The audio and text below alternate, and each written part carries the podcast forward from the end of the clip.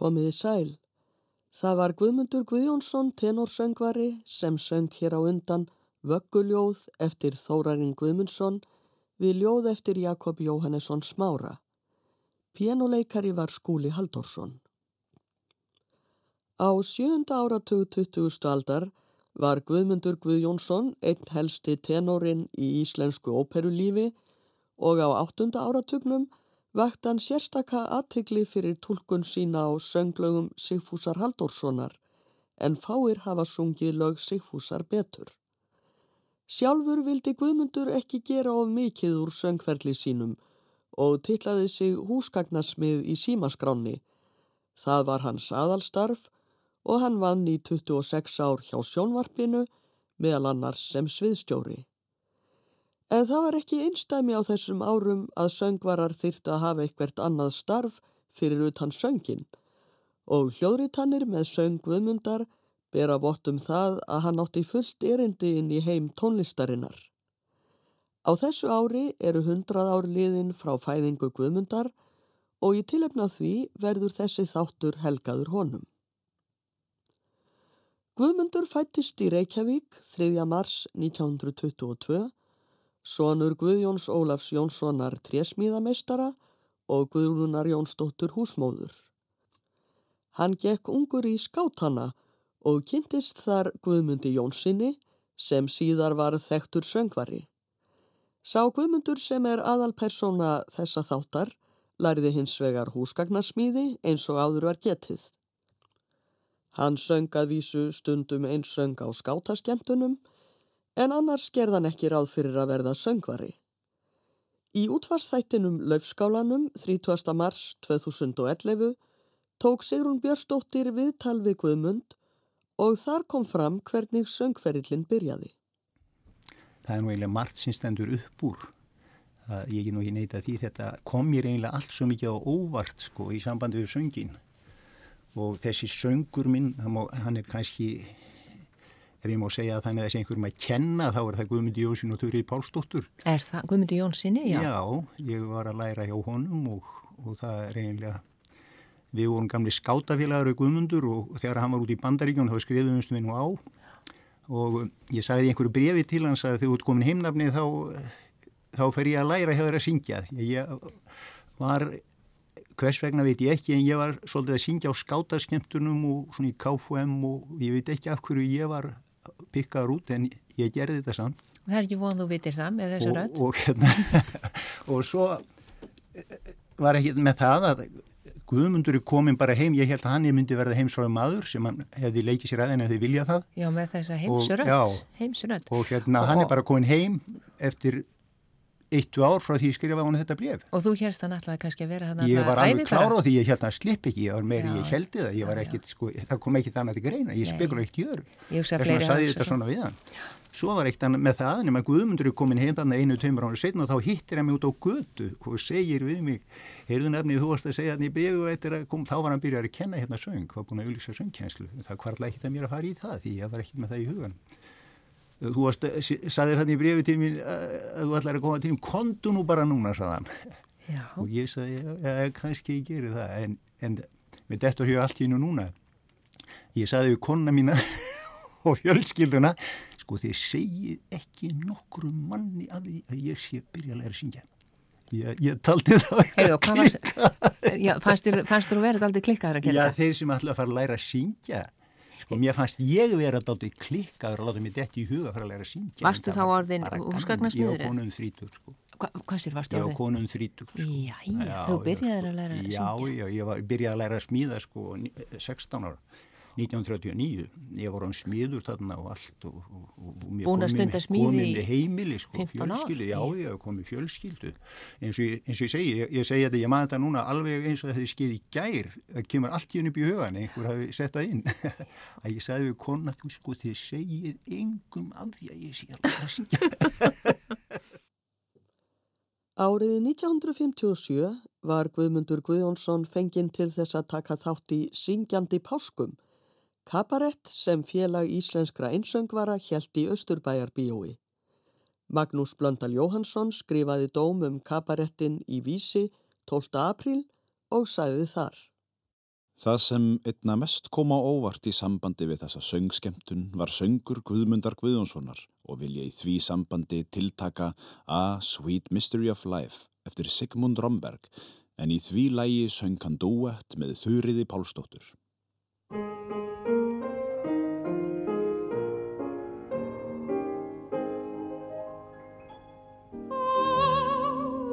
great mystery of life at last I find.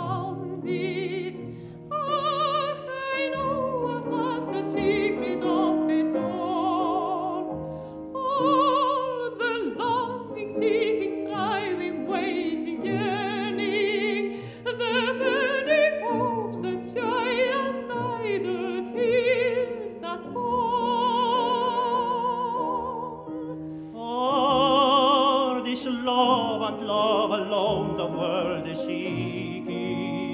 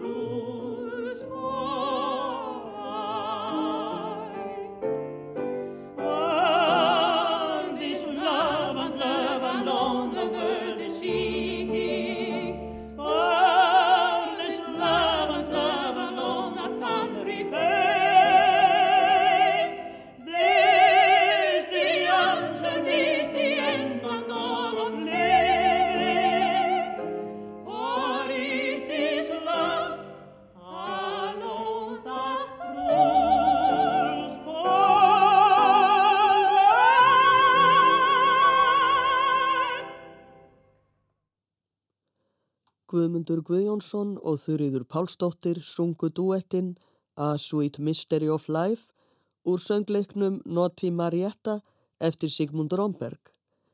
Hljóritunnin var gerð á lítið ferðatæki á æfingu fyrir síningu í Östurbæjarbíói og kabarettljómsveit Syngjandi Páska leik með þeim.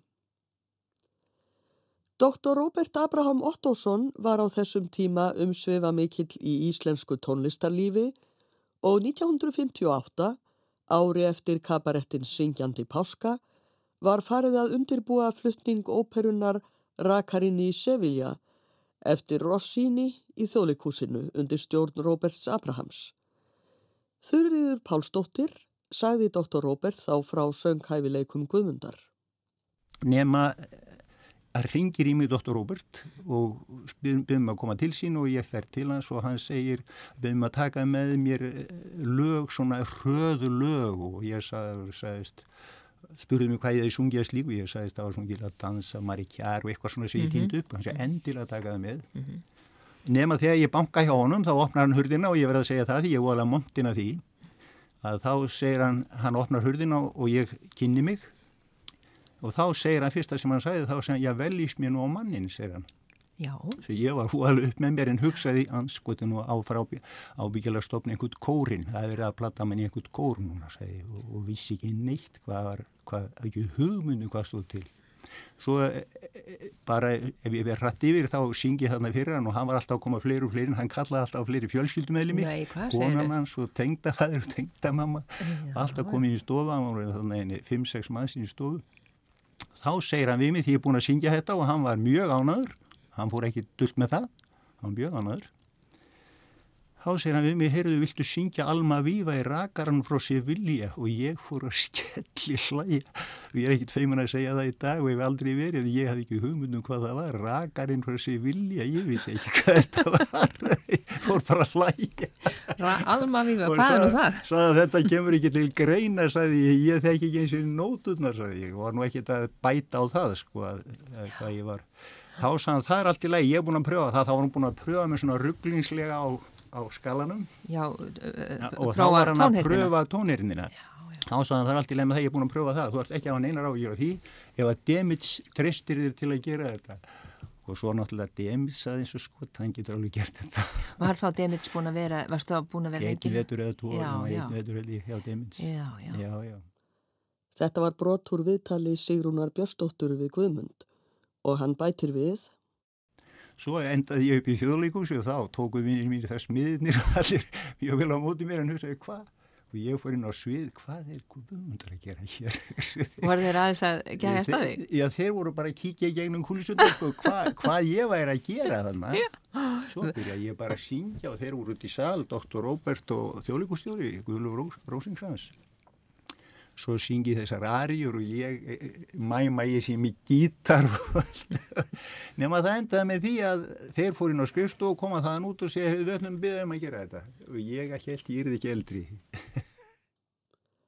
Sýningin á rakaranum í Sevilla gekk vel og segja má að Guðmundur hafi nú verið komin inn í óperuheimin Sömarið 1960 var óperan Rigoletto eftir Verdi sínd á listaháttíði Reykjavík og hafði hinn heimsfrægi sænski söngvari Nikola Jetta verið fenginn til þess að syngja aðal tenorhlutverkið á fyrstu síningum, hlutverk hertogans af mantúu, en stjórnandi var Václav Smetacek.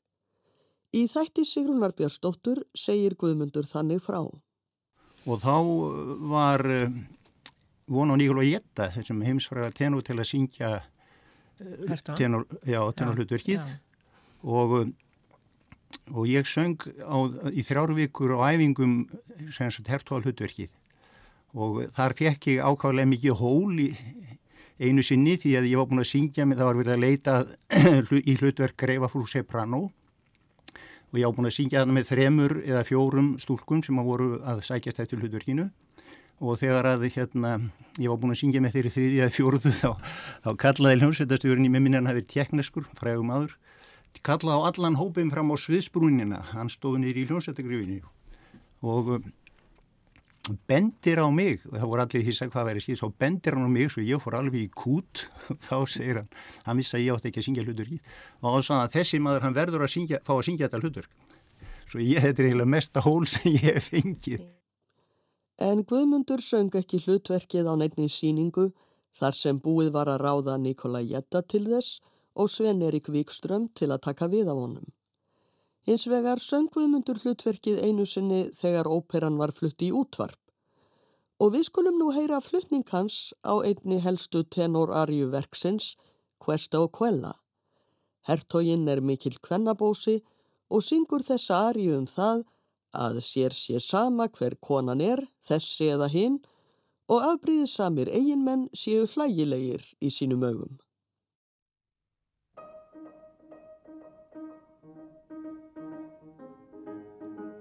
questo quella per me pari sono a quant'altre d'intorno d'intorno mi vedo. Del mio cuore l'embero non cedo bella d'una che ho t'altra beltà.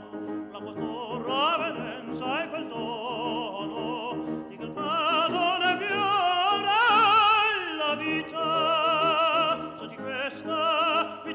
vita porci un'altra, porci un'altra, da mal non saprà un'altra,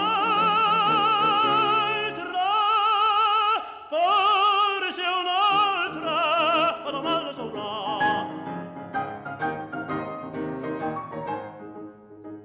La costanza di ranna del cuore di testia, ma quel morbo, quel morbo crudele, so ti vuole, ci servi fedele,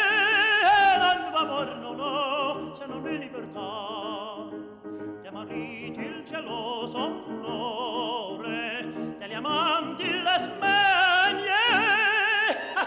Derrita a guardargo i centocchi di svito se mi punce se mi punce una qualche beltà o se se mi punce una qualche beltà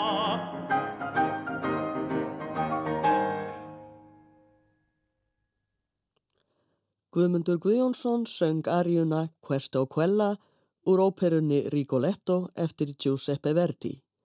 Alli Heimir Svensson leik á piano. Guðmundur fór með stór hlutverk í næstu óperu og óperettu síningum þjóðleikúsins. Hann söng Ernesto í Don Pasquale eftir Donizetti 1960 og Barinkai í Sígaunabaróninum eftir Jóhann Strauss árið eftir. Þá gerist það að honum býð styrkur frá Þíska sendiráðinu til söngnáms í Þískalandi. Árið 2002 tók Agnes Kristjónsdóttir við Guðmund í þættinum Sungið með hjartanu og þar segir hann frá þessu. Það voru nokkrir vinnir mínir hérna sem ég veit nú svona mm, bæði og, og jáfnvel ekki hverjir voru sem komið því í kring að Þíska sendiráði bauð mér árstöl í Þískalandi við nám. Og ég fór nú bara að hlæja eins og þegar Dr. Robert var að tala um mig. Og ég sagði nei, ég ætla ekki að verða söngværi, sagði ég. Og var að myndi það, ég var komin yfir ferdugt og ég ætla ekki að, var ekki með það í huga að fara að verða atvinni söngværi og ég sagði nei, það, neini, ég ætla ekki að verða söngværi, þá sögðu þeir og, og svo sagði ég eitthvað, kom eitthvað inn á að ég væri með fjölskyldu og, og ég þýrt að fá laun og þá voru þeir búin að semja þannig við Þíska sendiröðið að þeir sögðu og, og það, það skeiði þú skal þá og færð meiri laun en við smíðanar hér á Íslandi. Svo ég bara ég get ekki, ég get ekki eins og sagt þér hvað sko það hefði ekkert geta valdið meiri undrun í mínum huga heldur en svona sögn. Yeah. svo ég segi þá kom upp í mér þetta og, og má ég hætta að syngja því ekki heim? Ég er ekkit bundin að þessu að verða söngvari því ég var ákveðin því að ætlaði ekkert að verða einnig söngvari. Ég var smiður og ætlaði ekkert að verða söngvari. Og, og þegar ég sagði þetta hvort ég mætti, hvort ég mætti hætta þó ég segði já hvort ég mætti hætta í söngnum ég kemi heim ef ég vildi bara svona mm -hmm. þessu alveg sjálfsagt þá sagði ég fór ég að slæja og sagði, já þá segi ég bara já takk. Guðmundur fór til Kölnar og hóf þar söngnám hjá virtum kennara að nafni Clemens Glettenberg. Brátt ró til tíðinda eins og Guðmundur segir frá í viðtali Sigrúnar Björnsdóttur. Og mér var bóðið þangað að Þíska sendiræðinu til að vera þar í eitt ár. Og, og, og, og Demit sagði við mig því ég fór, hann sagði blessaði Guðmundur, þú er ekki búin að vera í einn, einn eða tvo mánuði þá eru búin að bjóða þér eitthvað hlutverk, sagðan og veðjaði við mig viskiflösku ég náttúrulega hlóaði því bara Tapaðist þú flöskunni?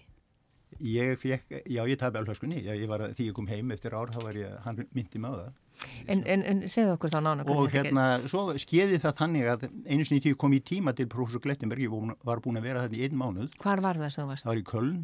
Þá stendur þarna maður á tröppunum og segir á dönsku því anskotaninn kemur svona sent, segir hann. Svo ég, og hann var svona daldi stífur og grimmur í tón. Svo ég segi bara hann tala á dönsku. Já.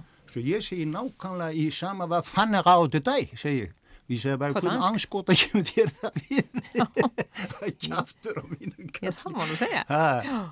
Þá segir hann strax, já ég heyr að þú getur talað dansku, þá getur þú sungið á dansku. Svo ég segi, hvað er maðurinn að fara? Þá segir hann bara strax, viltu kondið Danmörk og syngja Alfredo í La Traviata? Nei, og ég hefði ekki verið meira hissað þó hann hefði heldið mig fullri fulla hlandi. Sýningin var hjá Jósku óperunni í Árósum og var ítalska söngkonan Maria Manni Jottini í titillutverkinu. Guðmundur æfði hlutverk Alfredos fyrst á Þýsku, fór svo til Danmerkur og var ekki nema eina viku að læra hlutverkið á dönsku. Til er hljóritun þar sem Guðmundur syngur Ariu Alfredos úr La Traviata, Demiei Bolenti Spiriti á dönsku. Alfredo syngur hér um það hvað ást þeirra Violettu hafi gert lífið dásamlegt. Íle minn sterka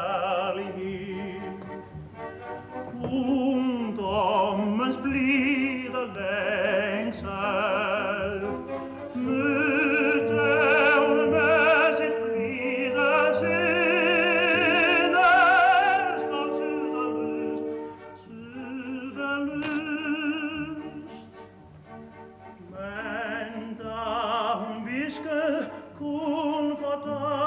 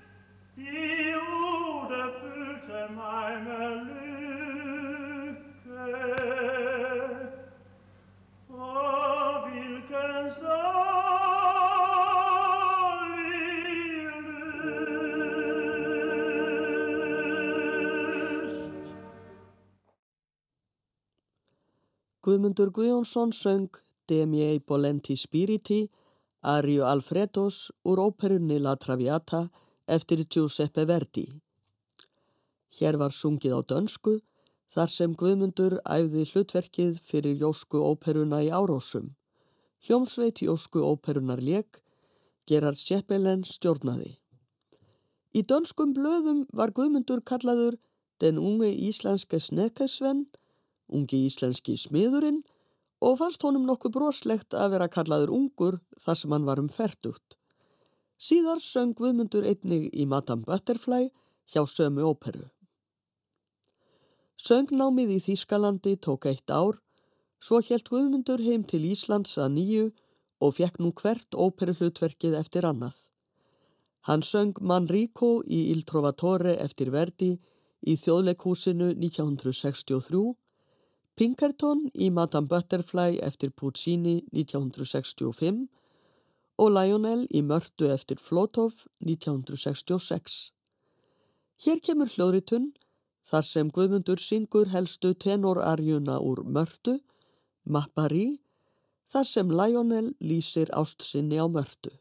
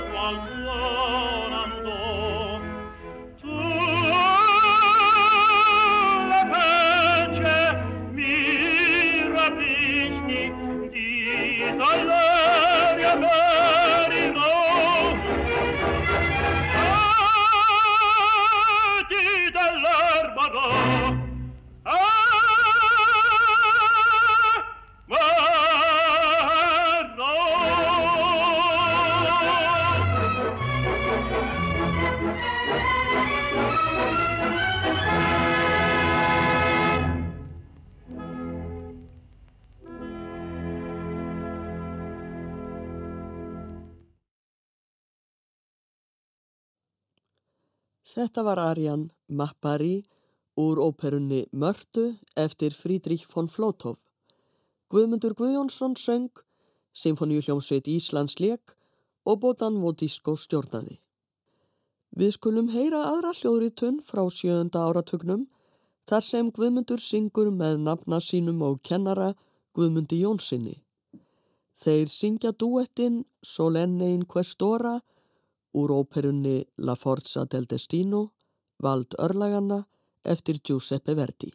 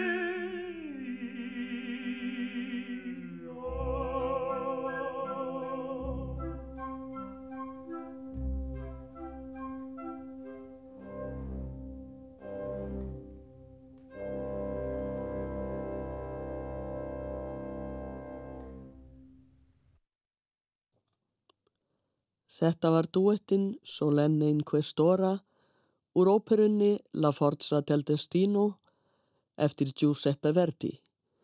Guðmundur Guðjónsson og Guðmundur Jónsson sungu með Symfoníu hljómsveit Íslands, Proincias Oden stjórnaði. Hljóritunnin var gerð í Háskóla bíói 1964. Vinsældir Guðmundar sem söngvara voru afar miklar á þessum tíma eins og Sigrún Björnstóttir myndist á í þætti sínum. Og ég man nú eftir því að svona í kringu 1960 af þessum árum á sjötta áratugnum og sjönda þá varst þú nú bara eh, aðal tenorin sem bóðið var á, upp á að hlusta á í, sko, þú varst í öllum aðal aðal tenorhlutverkum í, í þjóðlukursinu og þú var syngjandi út um allt, þú varst var... tenor sko nummer eitt. Því eru ekkert mótmælt, ég var ákvæmlega notaði mikið og ég er ekkert feiminn að segja þetta, ég var mjög vinsall ég var varfið það já, já.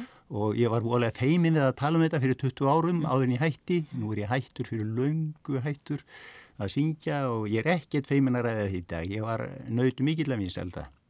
Sko... en svo kom fram í því að ég var að syngja Já, það kom fyrir að ég söng til dæmis 31 eða 2 meðsinn í februar á skemmtunum. Ja, Býtunum við, í einu mánuðum? Í einu mánuði? Bara í einu mánuði. Ég söng meira en okkar í kvöldi, ég söng 2-3 kannski á kvöldi. Já.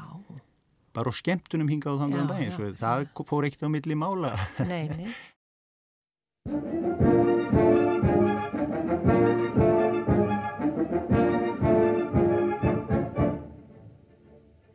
fagna þér fagra ætt jörð mín. Þér í skerri skal skerra frúkuna þín. Ég nú að borga bergið þitt guð Bartið ég er og skilur ein eitt Þó leiðir skiptir líf og gifta velja er einn Eilífa list mín önnur hilla skál Eins ég til þenn þú fagra guðan með Vaxi og skál, vexen þín hál, við þér fegin hjarta og vönd, þjónið þér fegin hugur og hall. Heyrðu frú, heitir öllum, hljómiður lof í söngjunum snjöllum.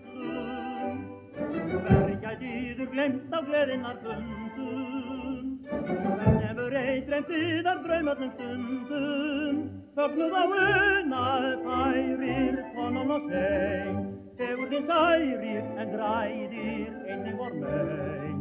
Árferð sem áfram knýst um þennan kjarnas nýst Sem trygnan hér, sem trúar hér, sem trúar hér sem fuggling kátur á grein Við konungsrík er fegurðinn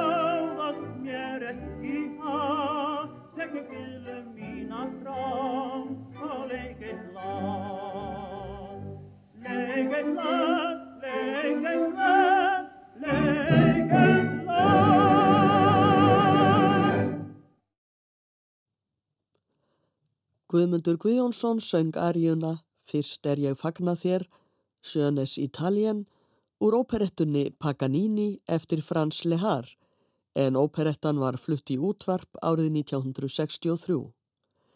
Tekstinn er eftir Jennbach og Knepler, en Þorstein Valdimarsson þýtti. Pál P. Pálsson stjórnaði Symfoníu hljómsveit Íslands. Þegar komið var nokkuð fram yfir 1970 ákvað Guðmundur að hætta að syngja. Það átti samt ekki eftir að fara svo. Lög Sigfúsar Halldórssonar, sem kallaður var Fúsi, voru sívinsæl með þjóðinni. Á yngri árum hafði Sigfús sungið lög sín sjálfur og árið 1976 spurði Jón Ólafsson, Gunnlaug Yngva, svon Sigfúsar, hvort hann heldi að fadir hans væri til í að syngja lögin sín inn á plötu. Gunnlaugur spurði föður sinn en hann neytaði og sagðist vera hættur að syngja. Eftir nokkra umhugsun sagði hann þó, en hann Guðmundur gæti þetta. Hann þykist að vísu vera hættur að syngja en ég ætla að tala við hann um þetta, eða þú telur að það geti verið lausn á málinu. Þessa frásögn má finna í grein Gunnlaugs með viðhafnar útgáfu á sönglögum Sigfúsar sem útkom 2012. Eftir nokkra umhugsun samþýtti Guðmundur Guðjónsson að syngja lög Sigfúsar inn á plötu. Tekin voru upp 17 lög sem Guðmundur söng við pianoleik Sigfúsar. Það fór ekki á milli mála að réttur söngvari hafði verið valinn. Lögin áttu svo vel við rött Guðmundar að það hefði mátt ætla að þau væru samin með hann í huga. Guðmundi var ljóst að þessi lög þurfti að syngja með öðrum blæ en óperuarjurnar og hann hitti á rétta tónin. Ekki tók nema 6 klukkutíma að hljóðrita öll lögin 17 því mörg voru tilbúin undir eins í fyrstu tökku. Tveimur árum síðar, 1978, var gerð önnur plata með flutningi þeirra félaga. Hún fekk nafnið Fagra Veröld og lögin voru 14 talsins. Gunnlaugur Yngvi segir þannig frá. Sem fyrrunu lögin inn á bandið eitt af öðru í fyrstu töku.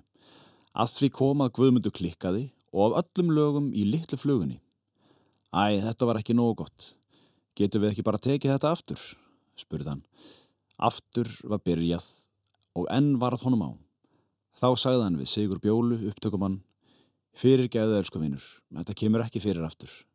Svo var rent í lægið og það klárað. Sigurur, sem var vanur því að tónlistamenn þyrtu allmargar atrannur til að ná fullkominni hljóðuritun, snýri sér að næsta manni og spurði, er ekki lægið með mannin? Lækur tífa léttum á það steina Lítil fjóla grærði skriðu fót Bláskja liggur brotin milli leina Í bænum kvílir ítur vaksin stót Ef ég væri orðin lítil fluga Ég innum gluggan þreytti flugið mitt. Og þó ég ei til annars mætti duga Ég eflust gæti kýtla nefið þitt. Ég eflust gæti kýtla nefið þitt. Lækur tífa léttum á það steina Lítil fjóla grærði skriðu fót Bláskja liggur brotin milli hleina. Í bænum kvílir ítur vaksin snót. Ef ég væri orðin lítil fluga Ég innum gluggan þreytti flugi mitt. Og þó ég ei til annars mætti duga Ég eflust gæti kýtla nefið þitt.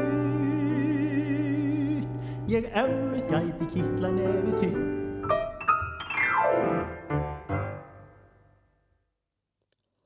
Guðmundur Guðjónsson söng lægið Littla flugan eftir Sigfús Halldórsson. Höfundurinn leik með á piano. Ljóðið orti Sigurður Eliasson.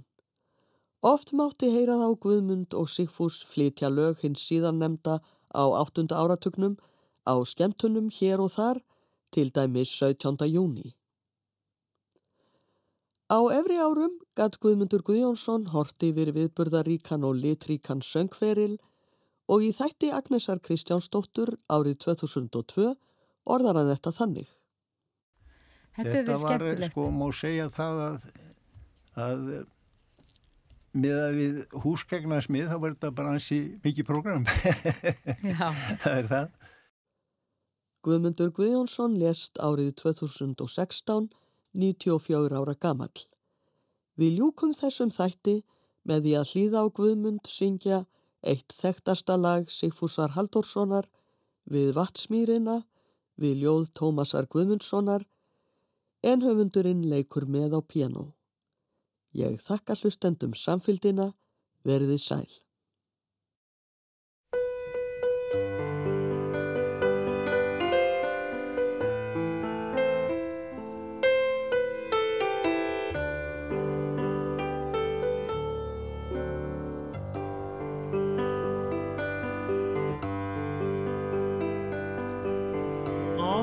long in blood.